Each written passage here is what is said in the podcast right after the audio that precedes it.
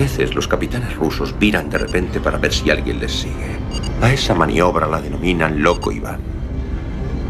Lo único que puedes hacer es parar en seco tu nave y esperar los acontecimientos.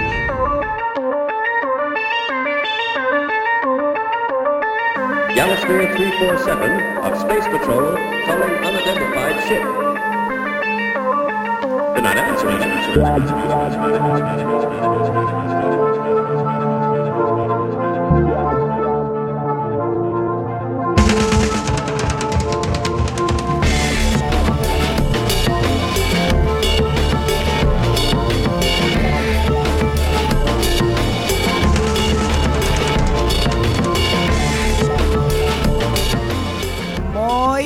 noite a todos e a todas. Prepárense para pasar unha hora repleta de aventuras a bordo do submarino nucelar máis intrépido de toda a Unión Soviética.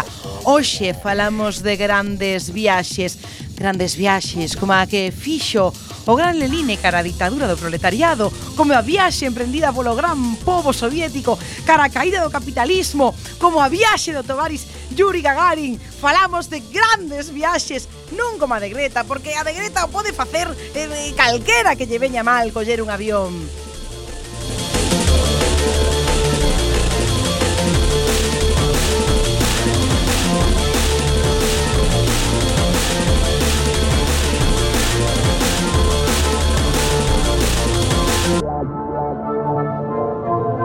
Please stand door and wait for the security officer to verify your identity.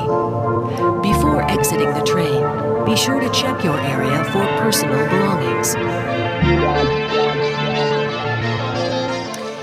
E co gallo deste programa entrevistaremos a Alberto Díaz da plataforma Salvemos o Tren que nos vai dicir todo o que leva a facer unha viaxe da Coruña a Ferrol por tren, que iso sí que é unha longa viaxe. Ademais, teremos música, relato e moito máis e isto. Xa saben que non sería posible se non tiveramos na sala de máquinas ao señor Bugalov.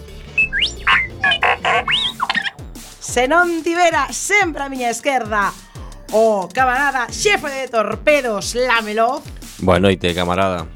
Senón tivera a un tanto odiosa Tovarish Beosca facendo, por suposto, 20.000 leguas de viaxe submarino.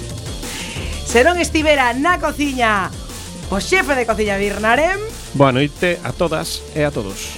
E se non tivera a miña outra esquerda a ese, a ese extraño in, in, intelectual que é o Tovarixes Mendrellev. Boa noite a todas e a todos.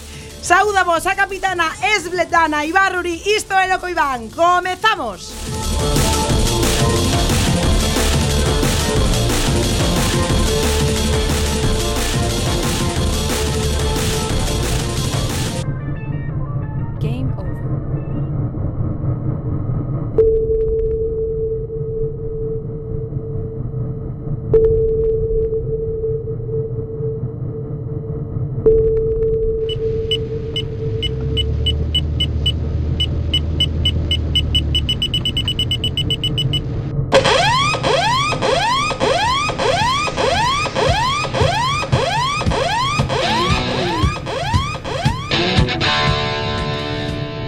antes de nada, imos facer un repaso os teléfonos aos que nos podedes chamar para insultarnos ou ben en directo ou insultarnos pois por escrita, porque tamén o podemos ler, incluso aunque non sexan en cirílico. Así que, por favor, Esmendrellev, dinos a onde teñen que chamar Sempre poden chamarnos ao 881012232. 881012232. Inda que parece extraño falar de teléfonos nestes momentos de redes sociais Pois insultar en directo por teléfono sempre Sempre da calidad sí. Eh, sí, pero... Eh... Ah, bueno, sigo cas redes sociais tamén. No, bueno, no, no. Bueno. Podes, no, no. Nos podes dicir Ai, é verdad. o número por WhatsApp ou mellor, moito mellor Telegram Vale, se o queredes e poñernos podre por escrita, que eu son moito deso tamén, pois entón podedes utilizar tanto para Telegram como para WhatsApp o 644-737-303 644-737-303 Agora, eu se mides chamar algo grosso, casi, mellor por teléfono, joder que máis xinte. Por suposto, e se o que queren é insultar a Esmendrellev eh, vía redes sociais, a onde teñen que facelo, señor Lamelov? Pois arroba loco Iván cuac. Perfecto, pois nos metemos xa de cheo no tema desta noite que son as grandes viaxes Creo que empeza o camarada Esmendrellez que nos vai comentar pois eh, cousas, cousas que o mellor lles interesan sobre longas viaxes Ou o mellor, non? Pero bueno. Seguramente. bueno aquí estamos. Eu como teño que comenzar cunha pedantada, porque senón non son o bastante intelectual moderno de merda, diré que as historias, segundo a famosa Academia Literaria Gotham de Nova York, divídense en dous grandes consuntos. As historias de viaxes, que do que falaríamos hoxe, e por outro lado, o estranxeiro que chega á cidade, Vais así plan de peli do, do oeste, non? Eu non son tan maximalista, maximalista, perdón, como esta xente, mas sí que penso que efectivamente O xénero de viaxes é un xénero moi antigo. De feito, hai unha palabreja destas latinajas, perigesis ou perixesis, se queremos dicir en galego, que é un xénero literario que naceu en Grecia e que tivo moito desenvolvemento pois nesa época dos tipos que eran navegantes, andaban por aí comerciando, matando xente, pois o normal nesa época das gregas do Peloponeso, non? eran basicamente libros que falaban de cando ibas a un sitio, o que encontrabas, como encontrabas, como era xente, cales eran as súas costumes, etc. E non tiñan unha intención literaria, nin unha intención de ocio, senón máis ben didáctica, non? Eran como unha manuales. Unha guía de viaxes. Unha guía de viaxes, eran as guías de viaxes actuais. Eso logo foi derivando, hai escritores romanos, hai algún moi bons. Eu vou mencionar eh, de Estrabón concretamente un pequeno texto da súa xeografía 3, 3, 4, 16 para que o queiras buscar, que di dos galegos.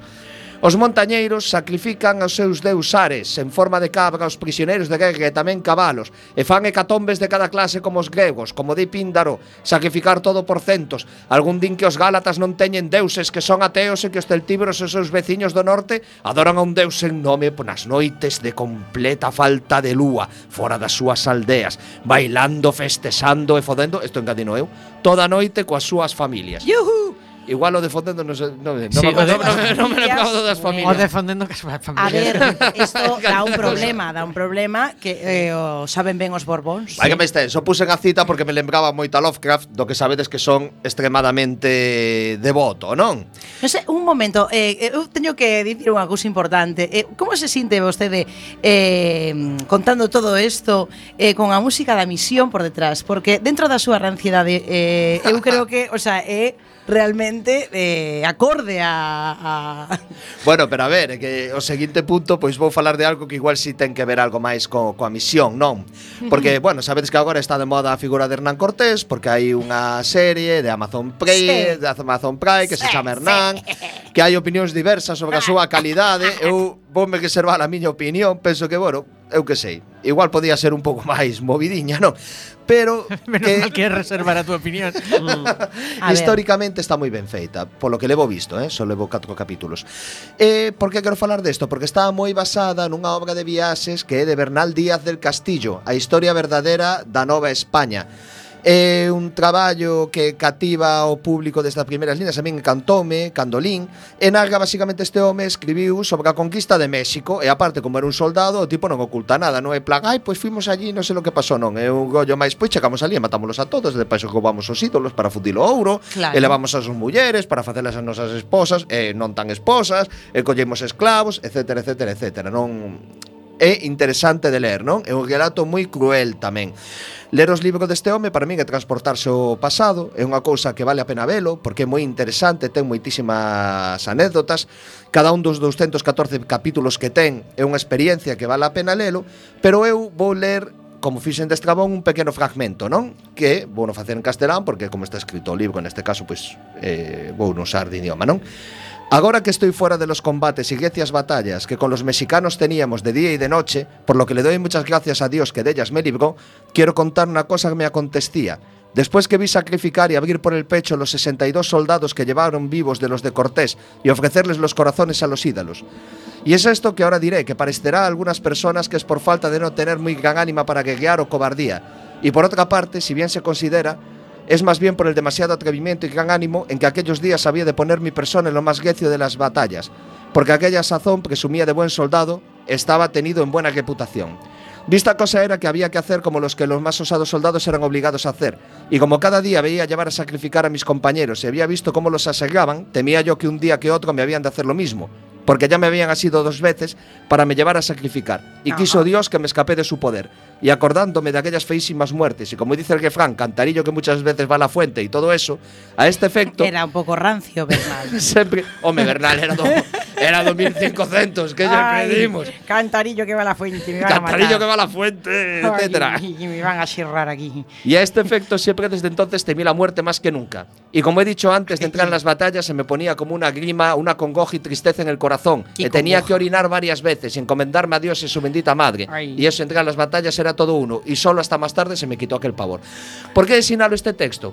Porque é algo que é, sería claro que un soldado que daquela época que coñecera e eh, a min pois pareceme un síntoma claro do que se chamaríamos TPPT ou trastorno por estrés postraumático, que bueno, é algo que se descubriu pois máis ben na psicología daquela, da, na psicología da daquela moito máis tarde, non? Igual era prostatismo, porque iso de mexar continuamente. Bueno, atención. Quero dicir, poidera, poidera ser, pero Bernal Díaz de Castillo palaquela tiña a sazón por ser cancio a forma de falar 25 anos, entón pois non creo que sufera todavía, todo podía ser, eh. Aparte que as enfermidades tropicales son complicadas. Ai, la congoja. E por último, vou que comentar unha noveliña moderna que se chama Santaran, espero tela pronunciado ben. Foi escrita por Gregory David Govers, que é un autoproclamado ex-revolucionario, toxicómano, extoxicómano... ¡Yuhu! Ladrón era sí. coñecido en Australia polo ladrón gentleman eh, Porque cando asaltaba alguén parece ser que iba vestido de traxe Sempre daba os bons días e logo as grazas e todo usted, eso Como usted, como usted Como a mí, eu sou un tío fino mesmo para atracar E o tipo, pois, entre outras cousas, foi adicto e traficante de heroína. Ah, como usted. E no? bueno, a Moledo non o trincaron aínda. Aínda non me trincaron, pero ainda pero estamos... Acaba de anunciarlo pola radio. Ainda estamos nese impas. Eh, ainda pode pasar. O caso que o tipo tivo que escapar da Australia, fusitivo para que non o cacharan, escapou para Bombay e despois de múltiples aventuras terminou igualmente na cadea, escribiu esta novela Santaran, que, segundo conta él, os gardas a destruíron varias veces o para fastidialo e logo se convertiu nun grande éxito espiritual, digo espiritual, nun grande éxito editorial. espiritual tamén. espiritual para él tamén, bueno, que se redimiu. Nada máis que contar que Santaran é máis que unha novela, é unha viaxe espiritual que contén filosofía, arte, biografía, xornalismo, historia. Tivo un grande éxito e eu penso que vale a pena lelo. E nada, Vou pasar do seguinte fragmentiño porque ves, van pasando os minutos e tocalle a quen se sabe.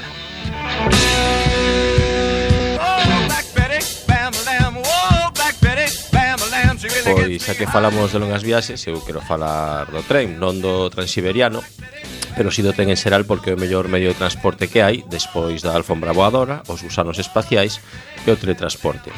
O tren mola moito e hai moitas historias que ocorren dentro deles. ¿Os pondríais un zapato en la cabeza? Claro que no os lo pondríais en la cabeza. Un zapato no se pone en la cabeza. Un zapato se pone en el pie. En la cabeza se pone un sombrero. Yo soy un sombrero, vosotros un zapato. Yo debo estar en la cabeza, vosotros en el pie. Sí, así debe ser. Al principio, los billetes determinaron el orden. Primera clase, turista y parásitos como vosotros. El orden eterno viene determinado por la máquina sagrada. Todo emana de la máquina sagrada. Así debe ser. Veamos. Desde el principio, yo pertenezco a la cabeza. Vosotros pertenecéis a la cola. Cuando el pie busca el lugar de la cabeza, se cruza una línea sagrada. Aceptad vuestro sitio. Permaneced en vuestro sitio. Sed un zapato. Este glorioso discurso foi o que deu a nosa gloriosa capitana cando tomou posición do, do seu cargo no, no submarino. Es verdad. É así. E foi tan bo que aproveitarono para películas de ciencia ficción, Snowpiercer. Peliculaza, por certo. Unha película moi boa, eh, bueno, traducida como Racha Neves dirixida polo director de Corea do Sur, eh, Amala, Bon Joon-ho, mm. no ano 2013. John Bon. John Bon. El Bon Jovi coreano. Bon Jovi coreano. eh, protagonizada por Chris Evans, Song Kang-ho, Tilda Swinton, Jamie oh. Bell, Octavia Spencer e eh, Ewen Bremer, entre outros moitos. Conta como un experimento realizado para acabar co quecemento global acaba fallando estrepitosamente e destruindo toda a vida sobre a Terra, convertendo unha especie de deserto de neve. Só sobrevive a pasaxe dun tren con motor de movimento eterno chamado Snowpiercer, que recorre o mundo cunha peculiar xerarquía de clases. A historia trata da supervivencia da tripulación do tren e está baseada no cómic francés do mesmo título dos autores Jacques Lowe, Benjamin Legrand e Jean-Marc Rochette. Precisamente o director fala de que coñeceu a historia nunha tenda de cómics de Seúl, da que era cliente habitual, e ali coñeceu a Jean-Marc, que era un dos autores, e quedou fascinado pola historia, así que propúxose levarlo ao cine. Está considerada a máis cara da historia do cine surcoreano, con máis de 40 millóns de euros de orzamento, e a rodaxe tivo lugar nun pequeno estudio en Praga, en Checoslovaquia, a antigua República Checa. Norma... Claro. A antigua República Checa. Agora é Checoslovaquia. Ai, que susto. Eh, bueno, é que Corea do Sur está tan mal comparada coa do Norte que non pode nin rodar unha película en condicións. Ah, así es. A película está bastante ben, sen ser repanocha. O que máis me mola é como trata o tema da loita de clases pois dentro do tren. A sí. xente privilexiada vai en primeira clase, nos vagón dianteiros, mentras que a xente pobre vai nos vagóns de cola, o que sería pois, a clase obreira e a xente precisamente a que loitará para poder vivir con persoas e acabar cos privilexios da clase dominante que como ten que ser. Nos vagóns de cola vai xente amontoada eh, xunto con vagóns de suministros mete que nos vagóns dianteiros hai escolas, discotecas, piscinas, sushi bar e até un acuario. Todo moi hipster. É a metáfora da desigualdade por dentro dun tren lembra un pouco o estilo a película, bueno, a obra, a película non, a obra literaria de Dmitri Glukovsky, que Metro 2033, que narraba como despois dunha catástrofe nucelar, a sociedade rusa refuxábase no metro, convertendo uh -huh. as estacións en cidades.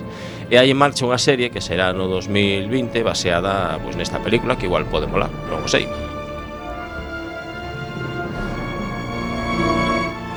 Te digo que me he pasado casi todas las noches de mi vida soñando con vivir así. ¿Soñando? Sí. Soñando. Imbécil. Tú no vas a hacer nada de eso. Yo te voy a decir lo que harás.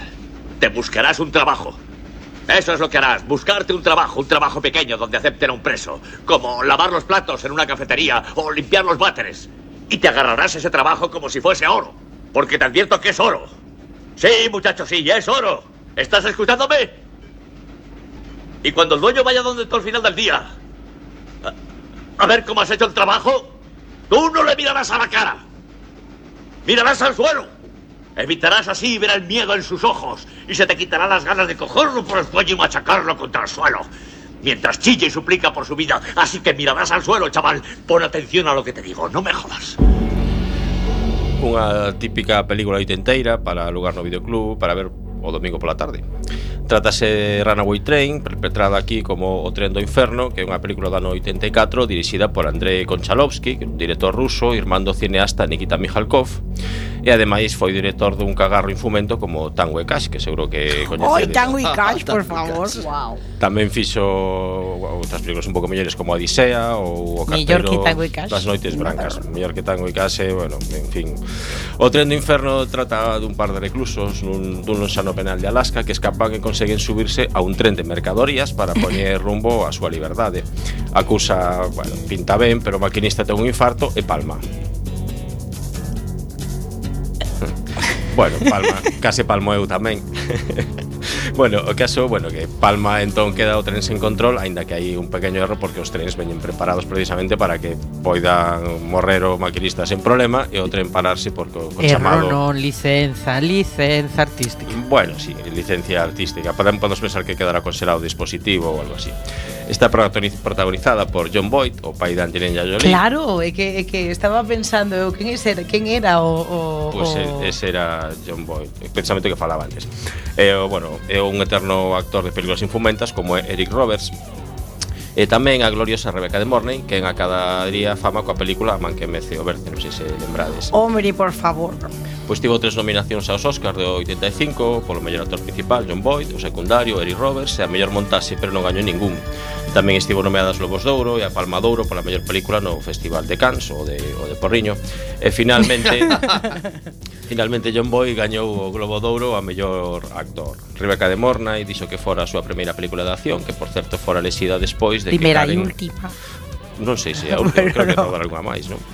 Eh, no, bueno, sí. pues, eh, foi a sustituta de Karen Allen. Vale. O guión é eh, de aquí a Kurosawa e a pesar de todo a película penso que, que está bastante ben. a pesar de todo. It's always ready, bam, whoa.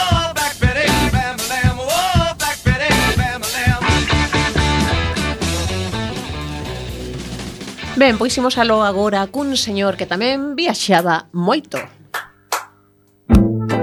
Por favor, me encanta Trátase do señor Rossi que buscaba a felicidade. Era un personaxe de Bruno Boceto de 1960 Que eu non sabía que o señor Rossi tiña unha vida previa Antes de que o coñeceramos aquí nos anos 70 Nos 60 eh, había tamén, tamén uns debuxos Pero que eran un pouco como para adultos Que parece que mm, agora pensamos que eso empezou cos Simpson, case case.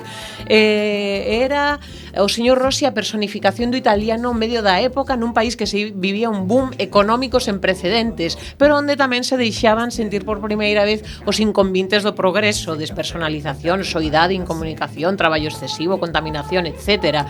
Eh, entón, o señor Rossi pois vivía experiencias que caracterizaban esa transformación económica de Italia e a esquiar, de vacación, somar, mercaba un coche, e cada episodio era un retrato social da época dende unha perspectiva marcadamente irónica e algo amarga en ocasión Champions. Pareceume fabuloso isto, non tiña nin a máis remota idea.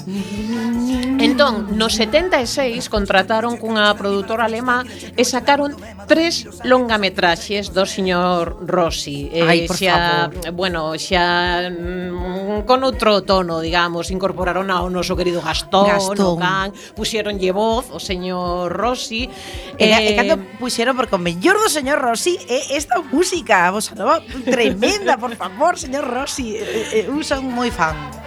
Eh, pois, sí, a música a verdade é que tiña especial importancia. Na primeira época eh, a levaba un músico de jazz milanés chamado Paolo Tomeleri e despois nestas eh, longametraxes das que imos falar xa o levaba Franco Godi que é o creador do tema musical máis famoso do señor Rossi, Viva la Felicita. Ay, por favor. Pois como vos dicía, se fixeron eh, tres longametraxes porque se lembrades aquí ao señor Rossi o veíamos en capituliños como de 20 minutos, pero que o que fixeron Sí, os catro os obviades en capituliños. Pois esas películas, o señor Rossi eh, busca felicidade, os soños do señor Rossi e as vacacións do señor Rossi. As vacacións do señor Rossi, por favor. O que fixeron foi cortalos, esos longametraxes os, os cortaron en cachiños así para ilos soltando en, Ay, en capítulos máis máis pequeniños. Pero bueno, eso o que lembramos todos máis é eh, ao señor Rossi buscando a felicidade por diferentes sitios do, do sí. mundo. Eh, a mí a verdade que eu os vía e me gustaban, pero me parecían moi tristes, sempre me deixou como un pozo triste, eu, eu era unha canija, pero sempre pensaba, pero onde carallo vas? A felicidade non a vas a topar por aí adiante, non sei, busca un psicólogo ou algo. Ou... Mm. Eh. Droga, a droga. Por exemplo, sempre queda máis cerca. Os chupitos axudan. Tamén.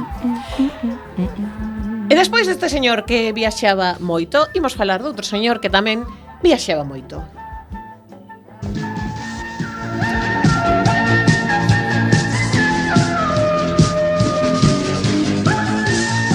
Siglo 31.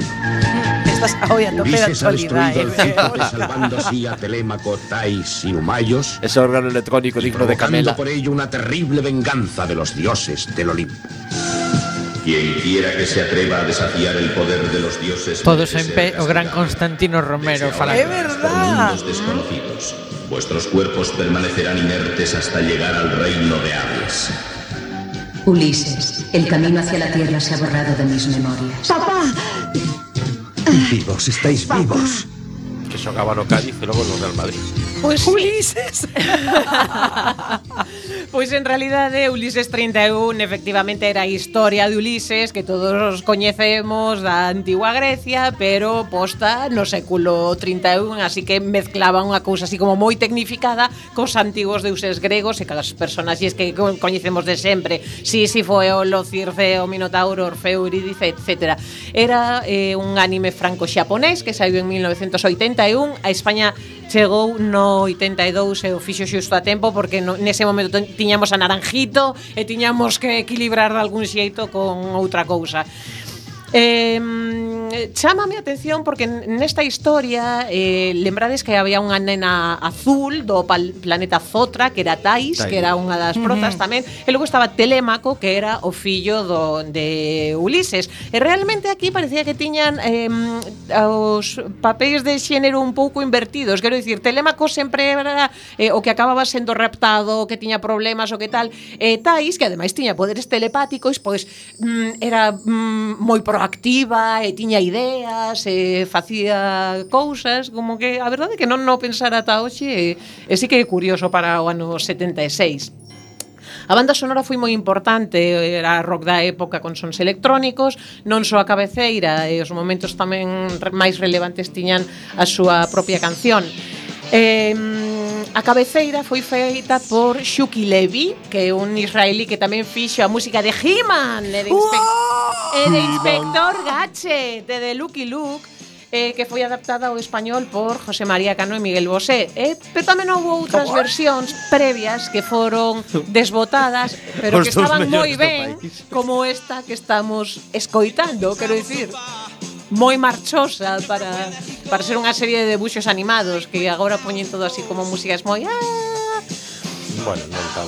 E a dobraxe, efectivamente, pois es, eh, a xente que estivo na dobraxe eh, eran tan bons que incluso en América Latina, que normalmente era ao revés, que aquí nos chegaban as dobraxes de América Latina, pois aquí exportamos a dobraxe española con Constantino Romero, eh, tamén con outros dobradores como o habitual de George Clooney, a habitual de Susan Sarandon, a habitual de Uma Thurman e a habitual de Mia Farrow. En fin, un pedazo de viaxe polo universo adiante que eh, a nós nos salvou a vida sobre todo contra o naranjito este.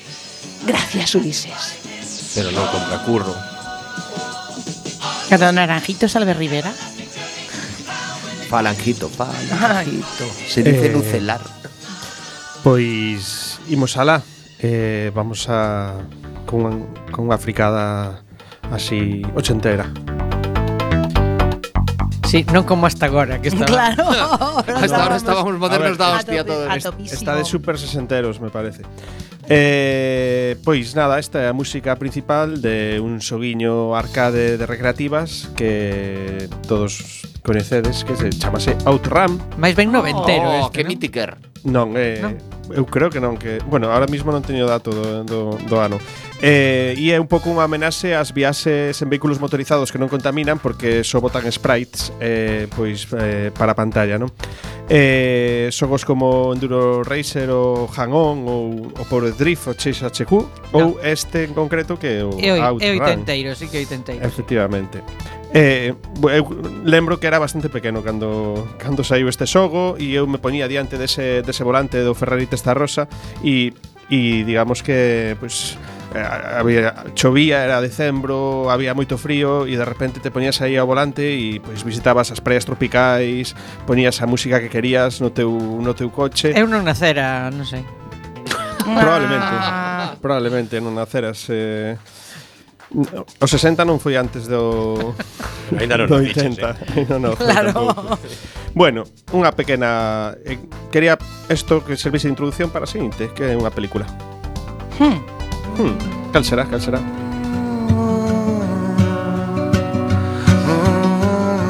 Soa así moi...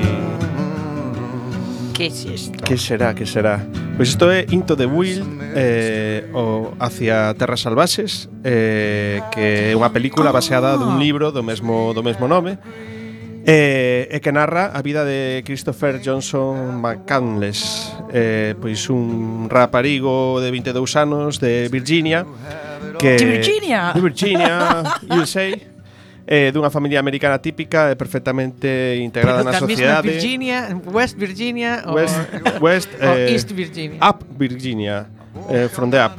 Eh, E, bueno, pois eh, eso, dunha familia pois eh, perfectamente integrada na sociedade materialista norteamericana eh, e este, este, este home, este rapaz, pois non estaba moi conforme con todo iso.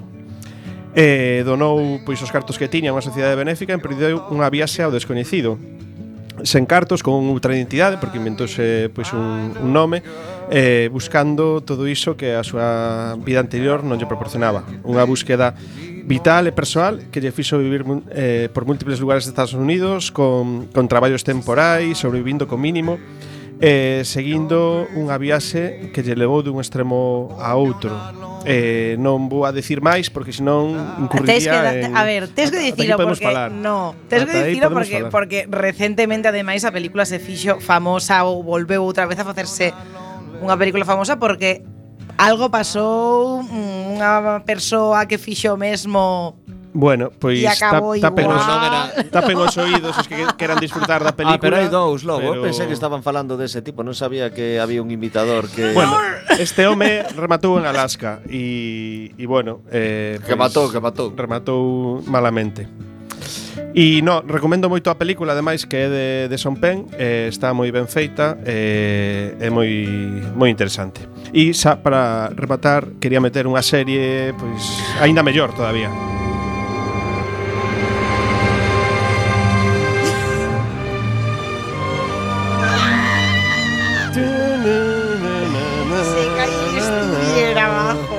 Esta esta mitiquísima, mitiquérrima, miticósima ou como lle querades chamar serie pois norteamericana. Eh, no que... es norteamericana. Bueno, narra, narra as viaxes dun solitario monse chino Shaolin chamado Kwai Chang Kain que, que viaxa. Ou algo así. Sí, sí, ou algo así. Efectivamente, americano sería Kwai Chang Kain Kwai eh, Aquí dobra, na dosa dobraxe era Kwai Chan Ken, Era Kwai Chan de toda vida. Ken, vamos. Era Ken. como as patacas McCain, Era Ken como de Barbie. McCain. Que de viña derivada de Ciudadán Kane. Claro. Era concur machines. Pois este home viaxa dun lado a outro dos Estados Unidos buscando o seu irmán eh, pois para comezar unha nova vida pero pequeno besvello. Claro, entre esa viaxe eh, pois métese pois eh, nos típicos líos das series americanas, que Hombre. hai unha serie de maleantes que se meten polo medio e intentan pois darlle un pouco a lata, ¿no? Pero este home a, a base de mamporrazos como as típicas series americanas, pois Dice acaba filosofía oriental. Pero intenta darlles a chapa tamén coa súa filosofía, non? Claro a filosofía que sí. budista, como ten que ser. Fracasa filosofía. Toma filosofía. Logo mamporrazos. Toma guía. Ah. E o elemento característico desta serie que é interpretada por eh, David Carradine, como David todos Carradine. sabedes, pero digamos que inicialmente considerouse a Bruce Lee para interpretar Pois é unha serie que se chama Kung Fu e que Bruce Lee algo sabía disto do Kung Fu, non? Eh. No, que va. Era máis de Bushu. Pero parece que, que os produtores dixeron que era tiña uns rasgos como demasiado orientais. Ah, que bueno. atrevidos, ¿no? Decir que Bruce Lee demasiado, demasiado, demasiado chino para facer kung fu. Demasiado orientais. Chino. Demasiado chino para facer de chino. Entonces dixeron... Muy chino para ser claro, Shaolin. Entonces dixeron, pois pues, eh, ah. collemos a este que non sabe nada de kung fu, que total, tampouco pasa nada, non claro. importa. E xa está. E notábase ben que non tiña nin idea non só de Kung Fu, sino de, nin de pegar un salto prácticamente, porque tían que meter esa cámara lenta aí. Chin, chin, chin. Bueno, era... un home que ia pasar a historia. No, eso como... era a muller biónica, creo. Un home que... Estaba moi ben tamén. Outra seriaza. Outra seriaza que sacaremos outro día. Que ia pasar a, a historia para sempre como Kwai Chan Ken, mm. ata que se cruzou Bill no seu camiño. Oh, que grande. É verdad. Eu non teño máis que decir. Despois de isto, non hai palabras. Pois nos vamos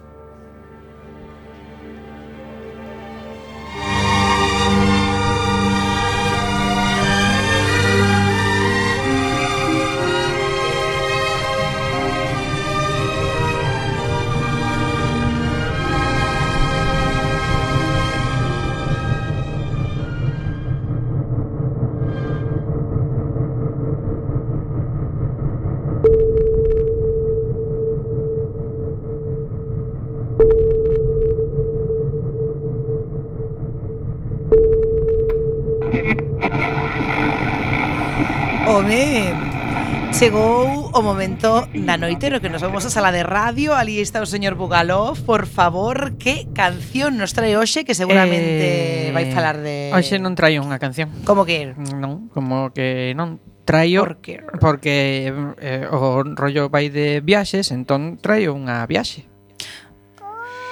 Bueno, entonces é unha, é unha eh, viaxe, é unha viaxe eh, musical que empeza aquí. Oh! é que, que potito. É que remata aquí, non? O sea que, a ver, se atopo o botón de aquí, aquí. Non, este non é o botón de aquí, no. o botón de aquí no. é este, sí. Uh.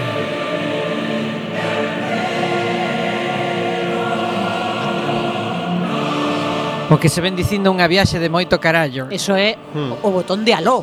Eh, Evidentemente, em, amiguitos, amiguitas, isto é a banda sonora do Señor dos Anéis, unha como como se chamaba o, o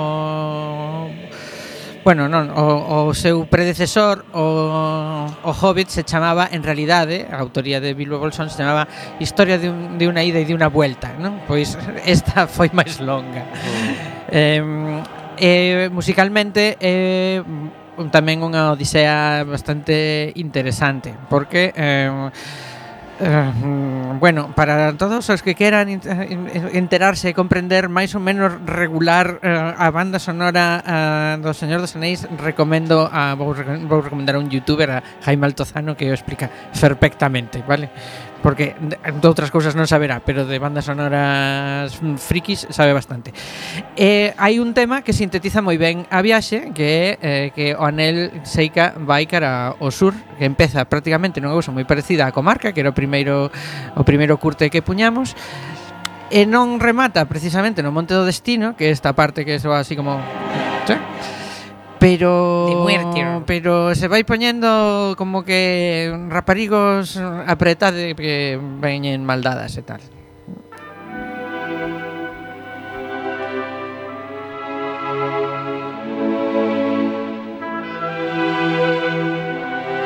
Isto se parece a, a comarca Vento Madeira, todo eso, ¿no? Claro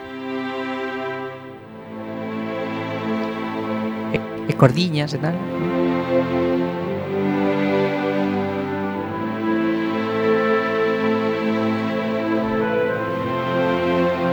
Abandonando a comarca. A mí, eh, quero dicir que a mí esa música me, me pone. o sea, así de. "Eh, Aragón, ven aquí.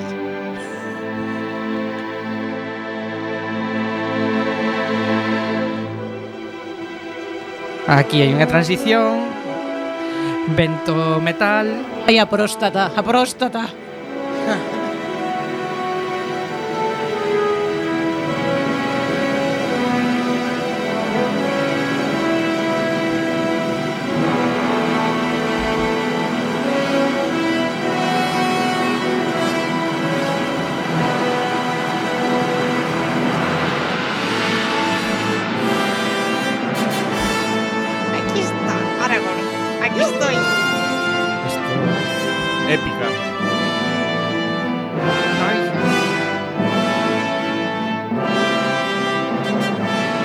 sei que a historia desta banda sonora é que chega ah, chegou eh, Peter Jackson a onde Edward Shore dixolle quero algo que sexa como Star Wars, que ti os coites e que todo o mundo recoñeza e identifique.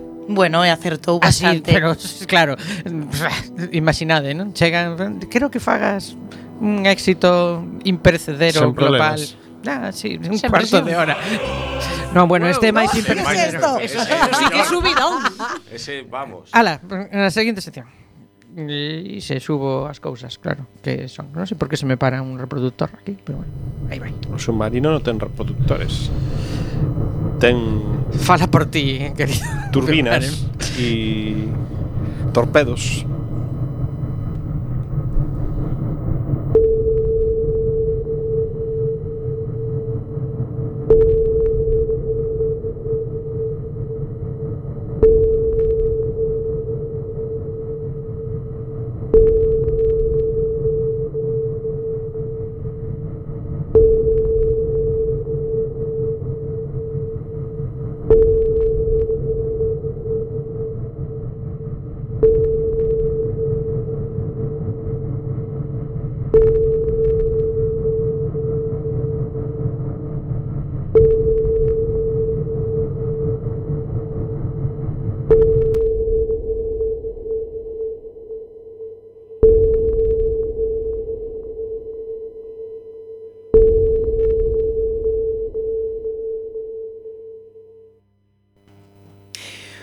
Bueno, pois eh, saltamos xa a outra nova parte do programa, outra nova parte do submarino. Temos que abrir a escotilla, se o señor Bugalo pode abrir a escotilla, aí está, para o noso, para invitar a pasar ao noso entrevistado desta noite.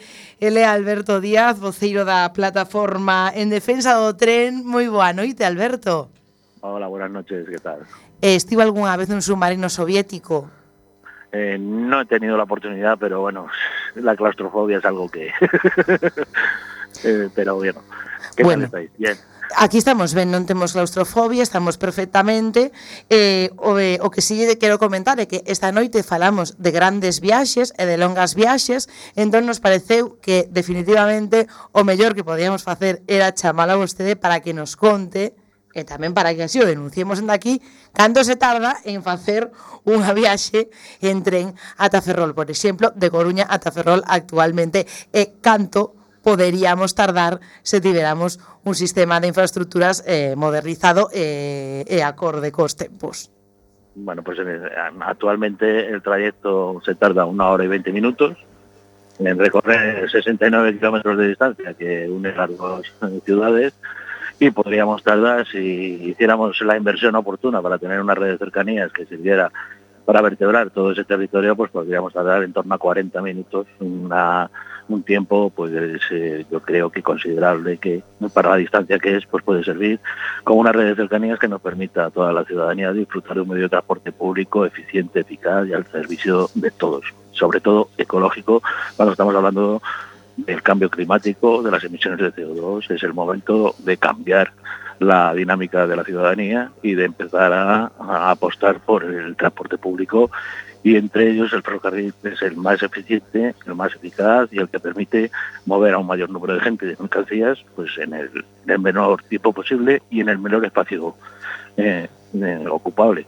Porque é moi curioso que agora mesmo que estamos coa cumbre eh, do clima en Madrid, están todas as grandes empresas, por exemplo, eh, sin ir máis eh, lexos, Endesa, que esta semana nos patrocinou a todos os, a todos os xornais, non? Eh, o sea, falando de todo o que vai facer, pero de repente a ninguén se lle ocorre falar do ferrocarril, ou moi pouca xente, e dende logo dende Madrid, dende o goberno, a moitísima menos xente. Sí, bueno, hemos visto durante muchos años que la apuesta por el ferrocarril ha sido nula. Hemos apostado por un tren de alta velocidad que solo sirve para comunicar grandes ciudades y para que suponga un auténtico despilfarro de dinero público en un servicio eh, ferroviario que solo sirve para una mínima parte de la población y por lo tanto lo que llevamos pidiendo la plataforma y dentro de, de esta de esas jornadas que hay de cambio climático de tal en IFEMA pues bueno hay organizaciones que también están planteando reivindicaciones al margen de ese foro que están diciendo claramente pues que bueno que el tren es el transporte por excelencia y es el que se debe de potenciar pero un tren eficiente y eficaz que sirva para toda la ciudadanía. Por lo tanto, el ferrocarril convencional es el que se debe de potenciar y olvidarnos de la alta velocidad que solo sirve para, para que vengan empresas privadas a llevarnos las inversiones que hemos hecho con el dinero de todos. Oye, unha cousa, por exemplo, eh, na Coruña entran cada día uns 200.000 vehículos diarios. Se tiveramos un tren, un, un tren de cercanías que fora realmente eh, realmente competitivo eh, poderíamos eh, poderíamos eh, erradicar ou polo menos minimizar esa entrada brutal eh, de, de, de vehículos que ademais eh, xirma a contaminación tamén eh, tremenda, pero eh, vostedes que teñen xa moito traballado e moito estudiado disto? Eh, que, que posibles paradas podería ter agora mesmo o tren de, o tren de cercanías? Hombre, bueno, desde la plataforma llevamos ya tiempo planteando que las infraestructuras ferroviarias que tenemos eh, infrautilizadas o, muertas de risa, pues se deben de utilizar y son infraestructuras ferroviarias que circunvalan toda la ciudad de La Coruña, desde la Grela a Pocomaco, pasando por Uses, la futura eh, línea de- puerto exterior que permitiría comunicar Meicende también, la Grela y Palesco, eh, a Plaza Orense, la Barcala, eh, el Materno. O sea, eh, tenemos una red ferroviaria que permitiría, con trenes eh, eficientes y ágiles, comunicar toda el área metropolitana de La Coruña y evitar, pues, casi la mitad de los vehículos que se desplazan hoy en día a la ciudad de La Coruña, pues evitarlos y a, a la vez ganar todos en espacio y en movilidad dentro de la ciudad. Oye, por certo, eh, antes de nada, porque xa sei que na plataforma en defensa do tren son moi reivindicativos, pero tamén eh, son moi festeiros lles gusta eh, eu teño teño escoitado. Entón, eh, teñen creo que manifestación en Ferrol o día 14, pero que tamén por suposto ata ali van ir en tren, contenos un pouco eh, por se alguén se, se anima a coller o a coller o tren con vostedes ese día, o día 14 de decembro.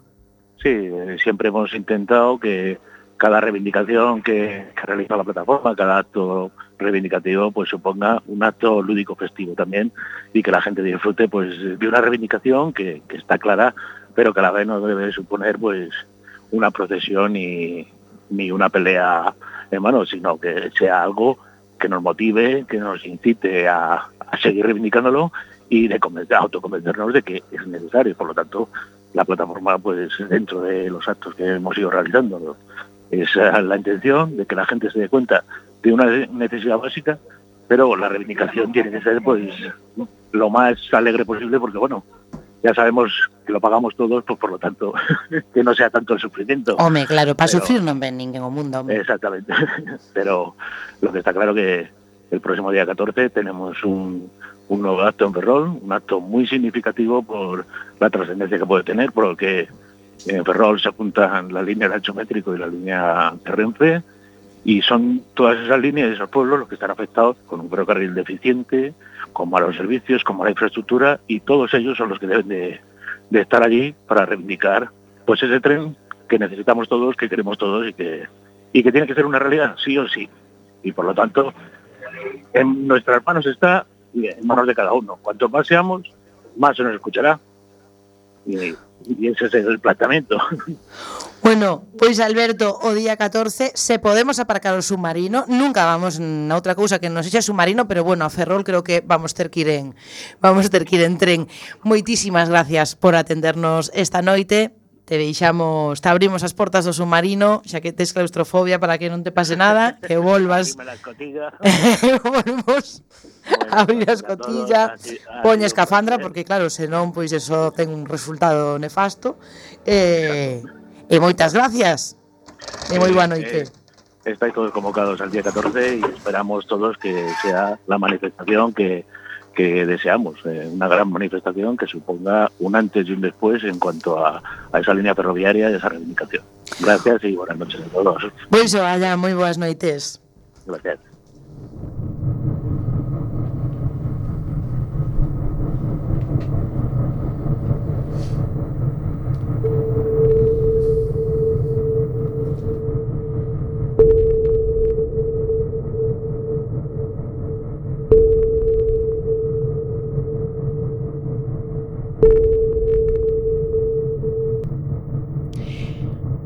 Pois nos vamos xa correndo cara á biblioteca. ¿Os pondríais un zapato en la cabeza? Pois eu xa Hai unha unha Non pasa nada. Qué día qué día máis terrible. Una romería. Non pasa nada. Aquí está, aquí está a, a porta podre da, da biblioteca. Eh, señores Mendrellev, Pero os pondríais un zapato. Nos bueno, eh, pues ahora no, sí. no. Eu manda capitana, sí. Llevaría a vostede, eh, vamos, zapatos e o que fora na cabeza. Se o vostede manda capitana, eu poño na cabeza o que faga falta. Efectivamente. Er, zapato ou dous. Mm, le pisa tiraría la cabeza. Bueno, díganos moi rapidamente, título, é unha frase do que vamos ler porque vamos axustadiñas de tempo. Moi ben. Sinué, o exipcio, gran libro de Mika Waltari escrito en 1945. Nesta parte da novela, Sinué o seu amigo Capat, que é algo así como o seu Sancho Panza, viaxan a Babilonia e aprenden novas costumbres. E a Capat poñe, poñeno de gay por unha costumbre extraña, Babilonia. Igual alguén lle lembra esa parte do Quixote donde Sancho Panza ten que gobernar a ínsula. Entremos.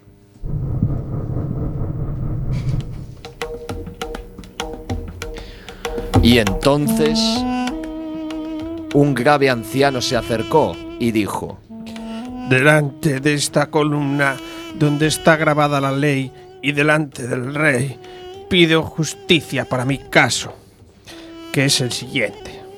Me he hecho construir una casa en la esquina de una calle, pero el contratista me ha engañado, de manera que se ha venido abajo matando a un transeúnte al caer. Ahora los parientes de la víctima me reclaman una indemnización. ¿Qué debo hacer? Después de haber reflexionado, Capaz dijo: ¡Qué marrón!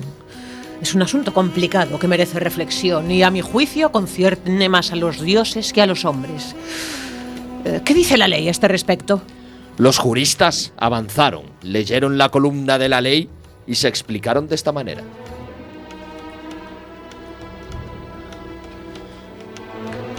Si la casa se hunde por negligencia del contratista y el propietario perece en los escombros, el contratista está condenado a muerte. Pero si al derrumbarse mata al hijo del propietario, será condenado a muerte el hijo del contratista. La ley no dice nada más, pero lo interpretamos así. Cualquier cosa que la casa destruya al hundirse, el contratista es responsable y se destruirá una parte adecuada de sus bienes, sus hijos, su familia, etc, etc, etc. No podemos decir nada más. Joder, no sabía que existiesen aquí contratistas tan pérfidos. Y en adelante estaré en guardia. Pero según la ley, este caso es sencillo. Que los parientes de la víctima vayan a casa del contratista y que acechen y maten al primer transeúnte que vean y la ley será observada y pista. Pero al lograr así tendrán que responder de las consecuencias si los parientes del muerto piden justicia contra el asesinato. A mi juicio, el más culpable aquí es el transeúnte que va a pasearse por delante de una casa que amenaza ruina, que a quien se le ocurre, cosa que no hace ninguna persona de juicio, salvo si los dioses lo han prescrito, claro. Por esto, libero al contratista de toda responsabilidad y declaro que el hombre que ha venido a pedir justicia es un imbécil por no haber vigilado al contratista, a fin de que trabajase concienzudamente. De manera que el contratista ha hecho bien en engañarlo. Porque hay que engañar a los imbéciles para el- que el perjuicio les haga prudentes. Así ha sido y así será siempre. Y el pueblo cantó de nuevo las alabanzas del gay. ¡Viva el gay! ¡Viva! ¡Viva! ¡Viva! ¡Viva! ¡Y la capitana! Y el demandante se alejó, taciturno. Entonces se presentó un mercader corpulento que llevaba un traje de precio.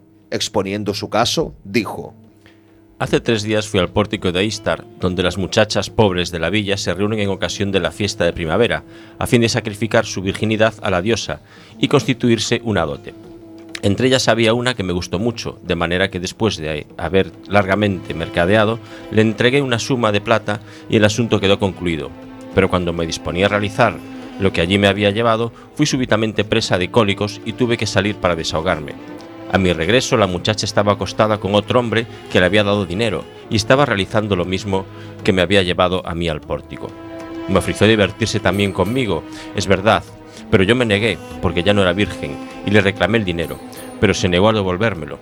Por esto pido justicia al rey, porque ¿no soy acaso víctima de la mayor injusticia puesto que he perdido mi dinero sin nada a recibir a cambio? En efecto, si compro un jarro, el jarro es mío hasta que lo rompa, pero el vendedor no tiene derecho a romperlo y ofrecerme los fragmentos. Y a estas palabras, Capaz se alzó sobre el trono, enojado y haciendo chasquear su látigo. ¡Chas! gritó. Verdaderamente nunca he visto tanta estupidez como esta villa. Y solo me cabe pensar que este cornudo se está burlando de mí. La muchacha tenía perfectamente razón al aceptar a otro hombre, puesto que este imbécil no estaba en estado de aprovechar aquello en busca que- de lo que había ido. Ha obrado también perfectamente al ofrecer a este hombre una recompensa que no había merecido. Este hombre hubiera debido estar reconocido a la muchacha y al hombre, puesto que, divirtiéndose juntos, han suprimido un obstáculo que no hace más que causar disgustos y preocupaciones en estos asuntos. Y tiene el cuajo y los santos cojones de comparecer ante mí y hablarme de jarros. Pues puesto que confunde las muchachas con los jarros, lo condeno a no divertirse en adelante más que con jarros. Y nunca más tocará a una muchacha. ¡Ea! Y habiendo dictado esta sentencia, Capaz se sintió hastiado de tanta justicia. Y despedazándose en el trono, dijo: Ay, mira, hoy he comido, bebido y trabajado suficiente y rendir justicia me fatiga demasiado. Los jueces pueden seguir administrando justicia si así lo desean, porque este último caso me ha recordado que, como rey, soy también dueño del harén donde, según me han dicho, 400 mujeres me esperan. Por esto voy a elegirme una compañera y no me sorprendería que durante esta expedición rompiese algunos jarros, porque el vino y el poder divino me han fortificado maravillosamente y me siento potente como un león y con la próstata lista.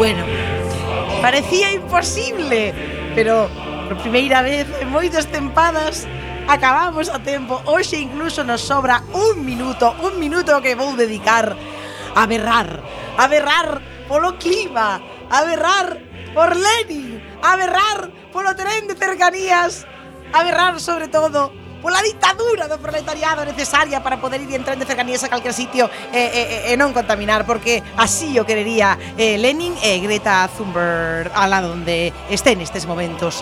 Así que, por último, dicirlles que os esperamos o venres que ven ou en calquera momento cando nos estén escoitando será aquí na sintonía de Coac FM sexan felices. Beban vodka sempre con moderación. Os queremos e regresamos en sete días.